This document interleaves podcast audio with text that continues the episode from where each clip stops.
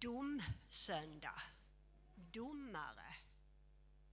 Eh, när vi tänker på domare, jag tror att de yngre, då tänker de på fotbollsdomare, i alla fall domare i samband med idrott. Och vi andra vet ju, vi tänker kanske både på, på domare när det gäller idrott och domare vad det gäller juridik, att stå till svars.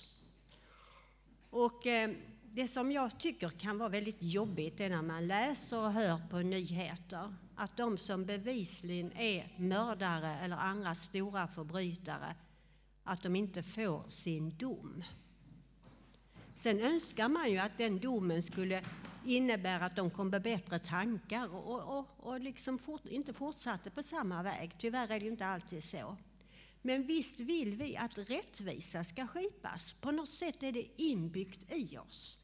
De skyldiga ska få sitt straff och gärna då för att det ska förbättras. Så det är viktigt att det blir rätt med, med vård och hur man tar hand om dem och så vidare. Det är inte det. Men de oskyldiga ska ju inte dömas. Vi har någon form av rättsmedvetande. Domsöndag, ja bra, ordet låter liksom lite tungt, dom, och så vill man nästan sjunka ner. Så kan jag tänka och känna det. Men när jag stannar upp inför de här texterna, jag har faktiskt läst texterna, det gör jag ibland, även när jag inte ska predika, så jag hade läst dem innan i veckan. Men eh, jag, jag, visste ju inte att jag skulle predika förrän igår. Och då tänkte jag, för titta om jag har någon gammal predikan, och jag hade flera gamla från Matteus 25, så jag kunde gjort det lite enkelt för mig. Men det kändes inte rätt. Det var inte gamla predikningar från Matteus 25 som skulle predikas, inte av mig idag. Se, jag vill göra något nytt, säger Herren. Han vill på något sätt att vi ska möta honom på nytt i varje gudstjänst. Och man kan mycket väl ta vara på gammalt i predikningar, det som är sanning och teologiska förklaringar, det är inte det jag menar. Men när jag läste det här så, så var det, det kändes inte aktuellt idag, här och nu.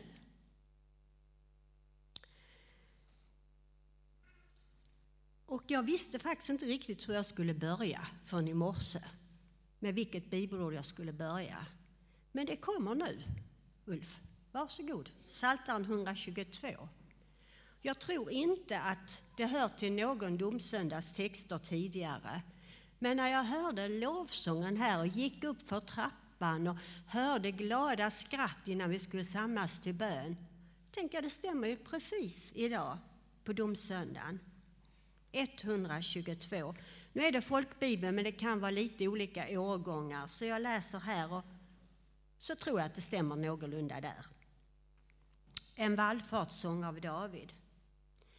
Jag blev glad när man sa till mig vi ska gå till Herrens hus. Våra fötter fick träda in i dina portar, Jerusalem. Jerusalem, du välbyggda stad, där hus sluter sig till hus. Dit stammar drar upp, Herrens stammar, som ett vittnesbörd för Israel, att Herrens namn ska prisas. Ty där står domarsäten och troner för Davids hus. Önska Jerusalem frid. Må det gå den väl som älskar dig. Må frid råda inom dina murar, välgång i dina palats.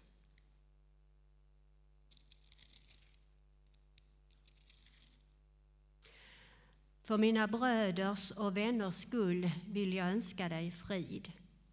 För Herrens, vår Guds hus, skull vill jag söka ditt goda. La ni märke till vers 5? Kan vi få tillbaka det så vill jag se om det står samma. Vers 5. Ja. Där står domarsäten. Troner för Davids hus.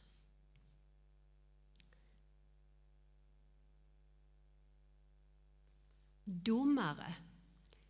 det var inte bara de som, jo, alltså det var de som skipade rättvisa, men inte bara som utdömde straff. Utan domarna på domarbokens tid och i Bibeln redan från femte Mosebok, kanske tidigare, så berättades det att Gud tillsatte domare och Mose gjorde det också. Folk som skulle ge, eller ledare som skulle ge råd till folket. De skulle döma i tvister men de skulle också ge råd. Så domare hade liksom ett vidare begrepp än vi tänker med ordet domare. Vers 5, där står domarsäten, troner för Davids hus. Det här är alltså en vallfartssång. Det hade man när man gick upp till högtiderna i Jerusalem. Det var glädje, särskilt under lövhyddehögtiden. Det gällde judarna, Israels folk. Det gäller församlingen. Inte antingen eller, utan både och. Vi får glädjas när vi går till Herrens hus.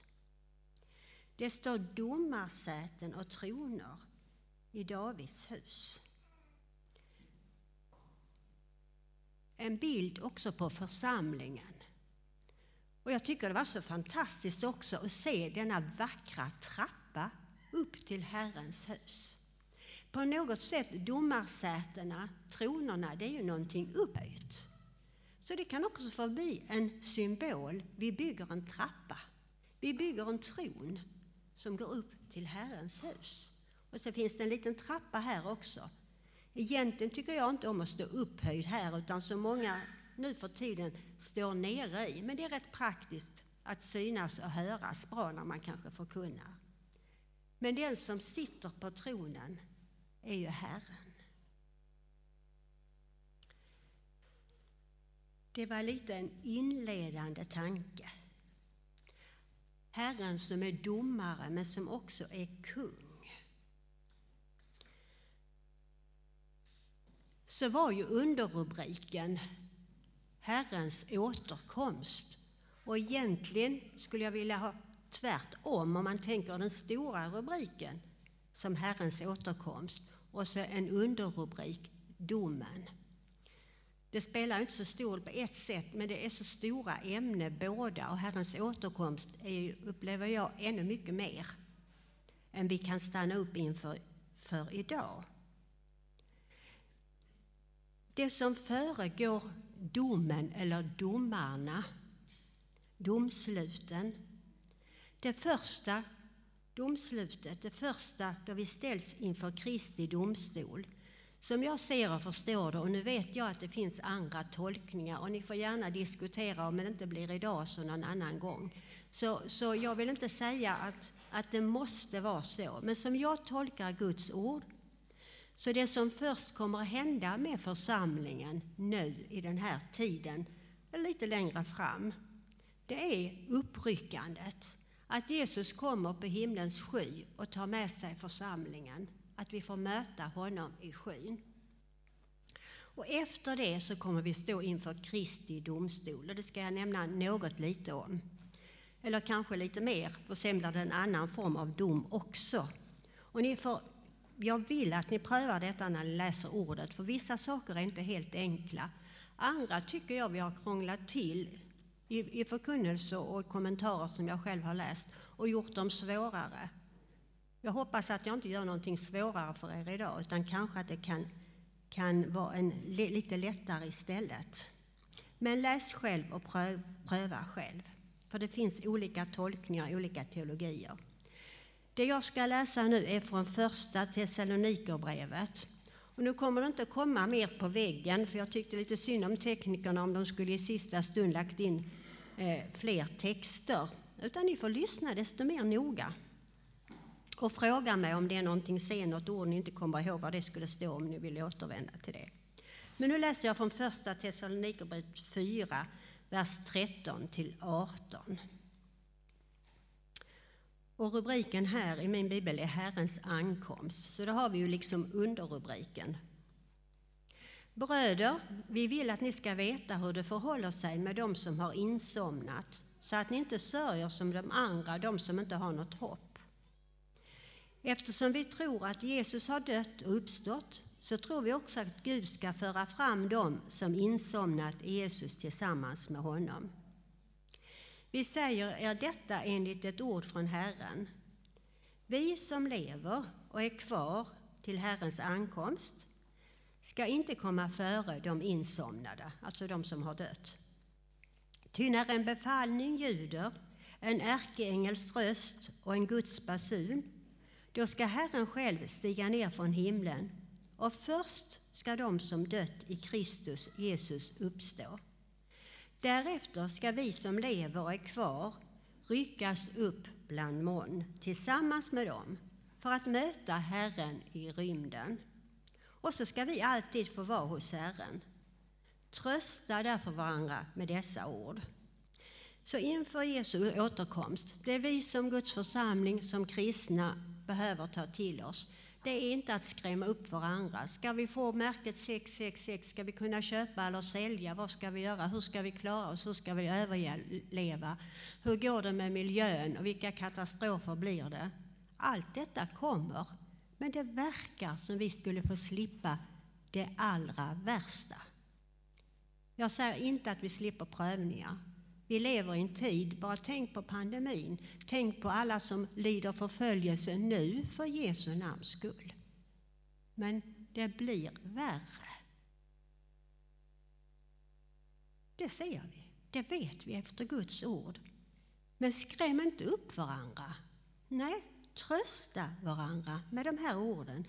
Herren kommer, han vill rycka upp oss innan det värsta sker. Så för vår egen del kan vi vara rätt så lugna och glada och trygga. Men jag kommer tillbaka också till allvarsordet den här söndagen.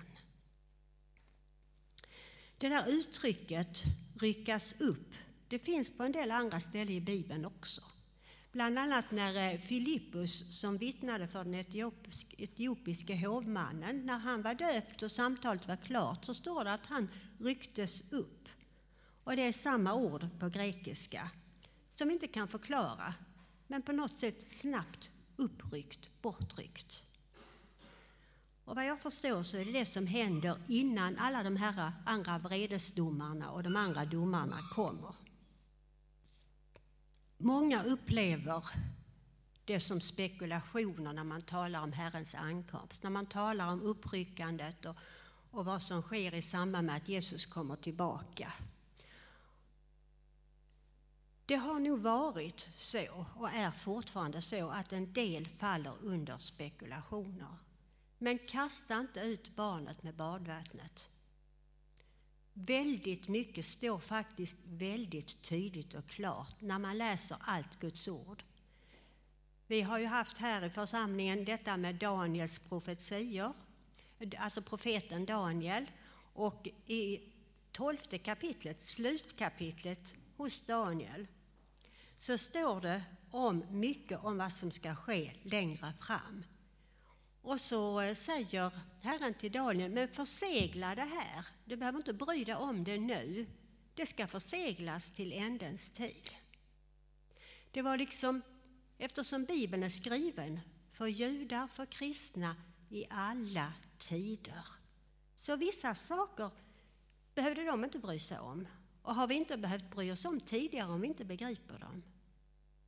Men det står också att ju mer vi forskar i skrifterna, ju mer vi läser, ju mer ska vi förstå. Och i Uppenbarelseboken 22, det sista kapitlet i Bibeln, så står det så här. Försegla inte profetians ord i denna bok. Då är alltså meningen att vi ska läsa, be och förstå och låta Gud förklara genom sitt ord och i bön, i samtal och på olika sätt. Vad gäller för ändens tid? Vad gäller för den här tidsålderns avslut? Försegla inte profetians ord i denna bok, i Uppenbarelseboken, som vi så många gånger hoppar över och tycker, vad är det för hemskheter? Vad är det? Det behöver vi inte bry oss om.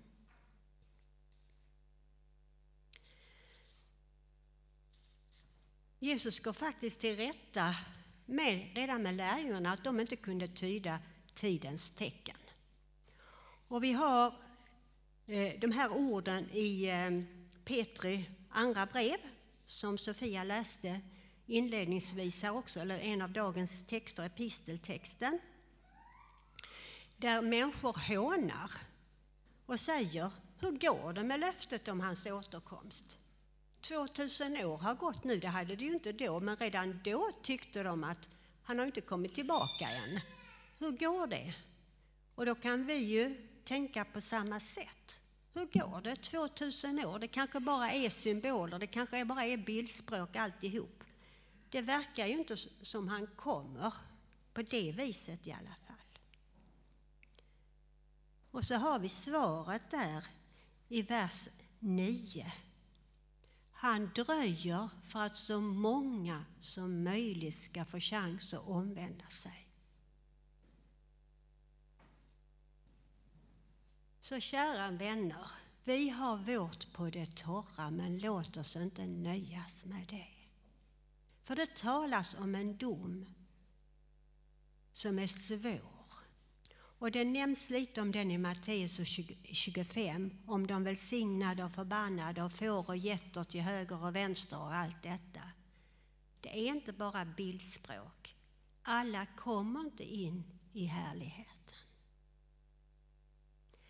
Men Gud vill att alla människor ska bli frälsta och lära känna sanningen. Det är hans vilja. Det borde vara vår vilja, vår bön. Han vill det, men han tvingar ingen. Sen lite grann om, om detta som kallas för Kristi domstol.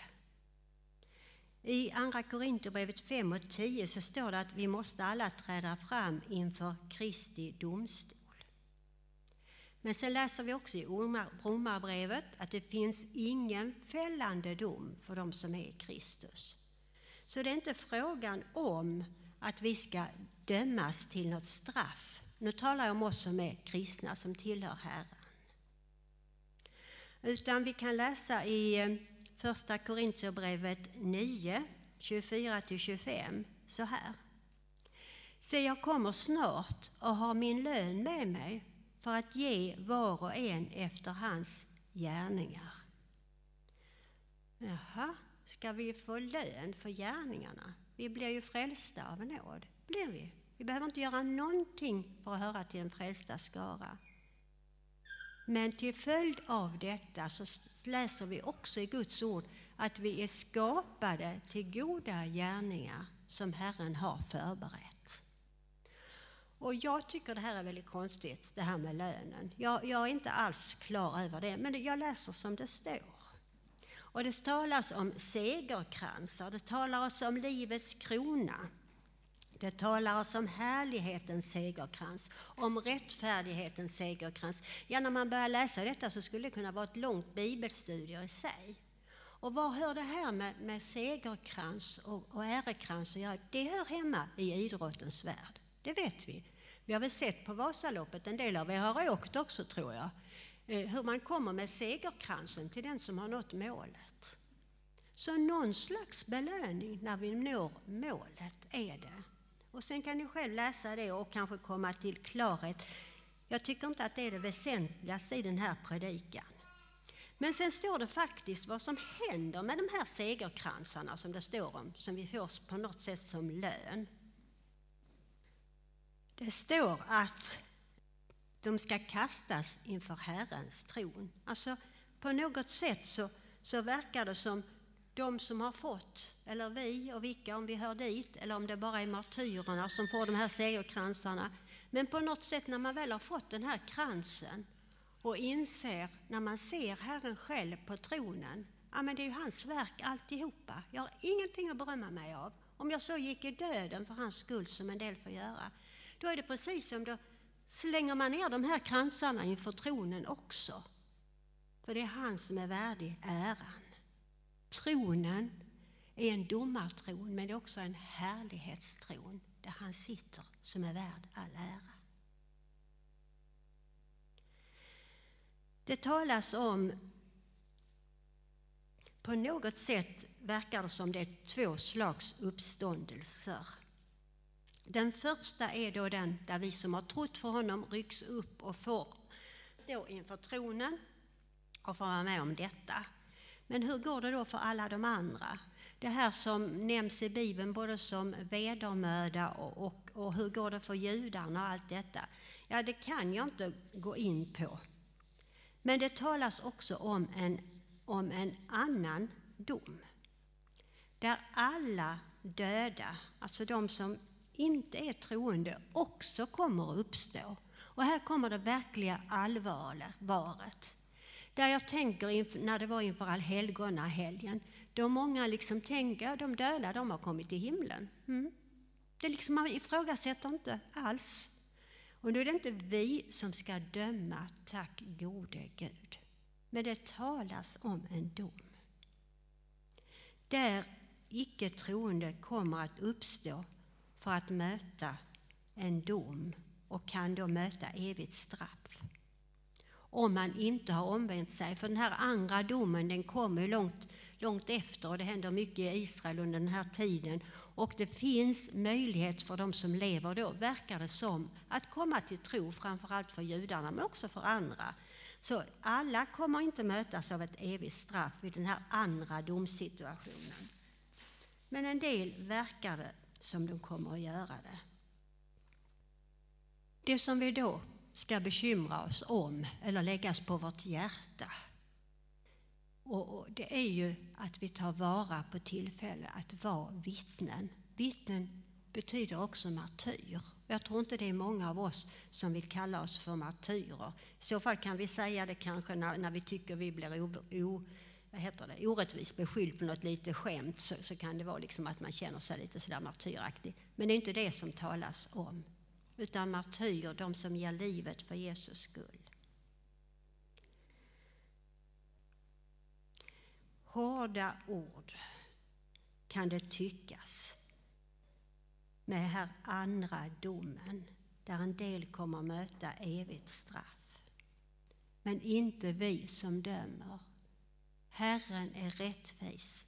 Han ser till hela alltet. De som aldrig har hört, de som inte har det är så många, det väcks frågor. Hur går det för dem? Hur går det med anhöriga som har dött? Vi vet inte, hade de en tro? Hur, hur gick det? De som redan är döda, de är döda. Låt oss tänka på de som lever, för där vet vi att vi har ett ansvar. Sen har vi till några ord som kommer tillbaka i texterna och i verserna och som var med också i inledningsorden från Jesaja, tror jag det var. Det här att se, jag gör allting nytt. Ordet nytt på grekiska, det finns åtminstone två uttryck för detta. Det ena handlar om eh, neos, är det första. Och det betyder att skapa nytt utav ingenting. Det andra heter kainos och då betyder det en fråga om kvalitet, alltså mer en förnyelse av något som redan finns. Och det är det ordet som används i Uppenbarelseboken 21 och 5. Se, jag gör allting nytt. En förnyelse. Nya himlar och en ny jord. En förnyelse av detta. En förnyelse av våra kroppar. Vi får uppståndelsekroppar och ändå är det något utav av vår personlighet, något av det som vi har här på jorden som är med oss. Så vi är inte totalt nya människor som inte har funnits. En förnyelse. Lite splittrat här kanske, för jag känner att det, får, det blir lite långt vissa saker. Men vårt ansvar för de som inte är troende, det är det som bör vara vårt bekymmer eller vår angelägenhet. Och själva får vi glädjas över varandra och över församlingen och över att Herren vill frälsa. Och han vill ge så många som möjligt chansen att komma till tron. Det är därför han dröjer. Gud sände inte sin son till världen för att döma världen utan för att världen skulle räddas genom honom. Den som tror på honom blir inte dömd, men den som inte tror är redan dömd eftersom han inte har trott på Guds enda sons namn. Så står det i Johannes 3. Domen avgörs, avgörs alltså inte en gång i framtiden för oss utan avges här i tiden. Och sen är det nästan, kan man väl säga, precis tvärtom som mot, mot en vanlig domstol. För det här är det ju så att om syndaren erkänner, även om inte kanske det finns tillräckligt med vittnen och bevis, så erkänner syndaren, det brottslingen, så blir han dömd. Men i Guds rike är det då precis tvärtom. Om vi erkänner vår synd och skuld här och nu så är vi förlåtna, fria. Han som sitter på tronen är domare och det är en härlighetstron för oss. Där vi får kasta ner allt vad vi är och har. Kasta vår synd men också kasta det som vi eventuellt kan berömma oss av inför honom. Herren, vår domare, vår frälsare, vår kung. Och till sist så vill jag läsa några, ord från, några fler ord från Uppenbarelseboken. För där, där finns ju allt det här i, både i koncentrerat och utvecklat. Och ibland kan någon tycka kanske invecklat. Men om man tänker så här, när jag uppmanar er att läsa själv, så tycker jag det kan vara en liten hjälp. Jag blev själv uppmärksamhet, jag kommer inte ihåg när det var, men det var någon förkunnare eller någon bok jag läste. Att de första kapitlen, och det vet vi de tillhör ju de här så kallade sändebreven till församlingarna i Efesus och Smyrna och Tyratira och allt detta. Det är ju församlingar och fortfarande är det kyrkan eller församlingens tidsålder. Vi lever ju i den tiden fortfarande nu. Och de här allra värsta vredesdomarna och vredesskålarna har ju inte trätt i kraft än. Men sen verkar det som det var ett skifte när man kommer till kapitel 4, den himmelska synen, och det börjar väldigt mycket som kanske också redan försiggår, men vi inte har inblick i, de flesta av oss i alla fall. Och sen så kommer vi tillbaka då, eller återvänder eh, Johannes i slutkapitlen till där vi är nu, där det talas om att Jesus kommer tillbaka för, för att hämta det sina, så det ramar in. Och början i Johannes 1 så står det de här orden att vi är saliga. Jag är salig som får läsa upp det här. Johannes 1, Uppenbarelseboken 1 och 3. Saliga är de som lyssnar till profetians ord. Det är just nu ni som lyssnar men det räcker inte med det, att få läsa upp och att få lyssna, utan det som gäller oss alla. Och ta vara på det som är skrivet i den här profetiska boken, Uppenbarelseboken. För tiden är nära. Vi är saliga om vi tar tillvara på detta. Och då hoppar jag över alla de här andra svåra eller mindre svåra kapitlen och så går jag igen till slutet här.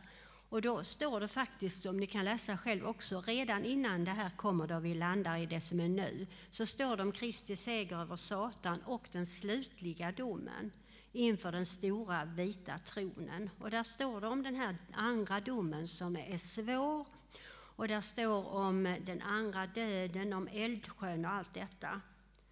Och det står också att att eh, den är tillredd åt djävulen och hans änglar. Det, det, det, har Jesus sagt tidigare också. Men sen får de sällskap av en del andra. Och det står i 21.8, jag är slutet fortfarande på Uppenbarelseboken. Den som segrar ska få allt det här positiva i arv, den som törstar och kommer till källan med livets vatten. Men sen kommer det ett men, och det är det att vi kan inte bara vara nöjda och glada för egen del. Men de fega, de otroende, de skändliga, mördarna, de otuktiga, trollkarlarna, avgudadyrkarna och alla lögnare skall få sin del i sjön som brinner av eld och svavel, den andra döden. Det är alltså inte en utgång, alla kommer till himlen. Jag kan inte se det i Guds ord och jag vill vara trogen det.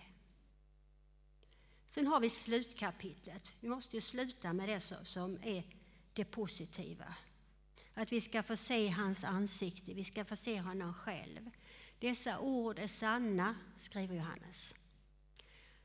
Och Herren, profeternas andas Gud, har sänt sin ängel för att visa sin tjänare vad som måste ske. Vissa av de här sakerna måste ske. Och se, jag kommer snart. Om det är någon som skriver eller följer med så, så ska jag ge, det är Uppenbarelseboken 22 och vers 7. Och se, jag kommer snart. Salig är den som håller fast vid profetians ord i denna bok. Återigen, vi är saliga. Och det här salig är alltså ingen känsla, det är ett tillstånd. Det är, I engelska biblarna så står det ofta blessed när vi har, har eh, salig, alltså vi är välsignade. Och välsignade, det tror jag vi förknippar inte riktigt det så mycket med känsla som vi kanske ibland ska tycka saliga, det är ett rus. Jag tror vi får vara både lyckliga och saliga och, och, och berusade av ande och glädje och alltihop. Men det är inte det i första hand, utan det är ett tillstånd vi får ha. Vi är saliga. Sen kommer vidare här. Se, jag kommer snart och har min lön med mig för att ge var och en efter hans gärningar. Står tydligt. Sen kommer vers eh, 14. Saliga är de som har tvättat sina kläder. De ska få del av livets träd och komma in i staden genom dess portar. Och sen har vi då slutklämmen. Det sista slutet i Johannes uppenbarelse och i hela Bibeln. Där det kräver ett svar. Vad svarar vi på detta? Vad svarar vi? Anden och bruden säger kom.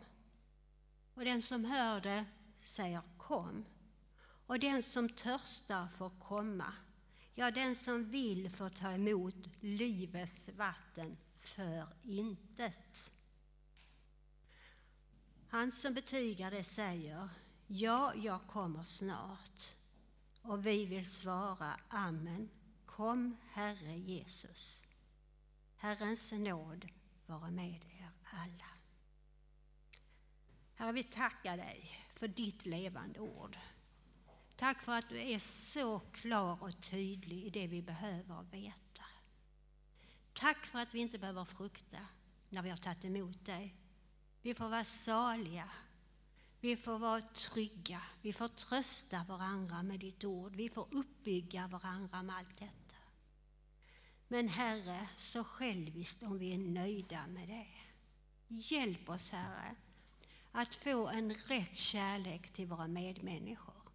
Vi vet att vi inte, vi är inte kallade att vilja alla, men alla är vi kallade att vara vittne för någon. Hjälp oss, Herre, att vara det. Tack för att du ger kraften. Amen.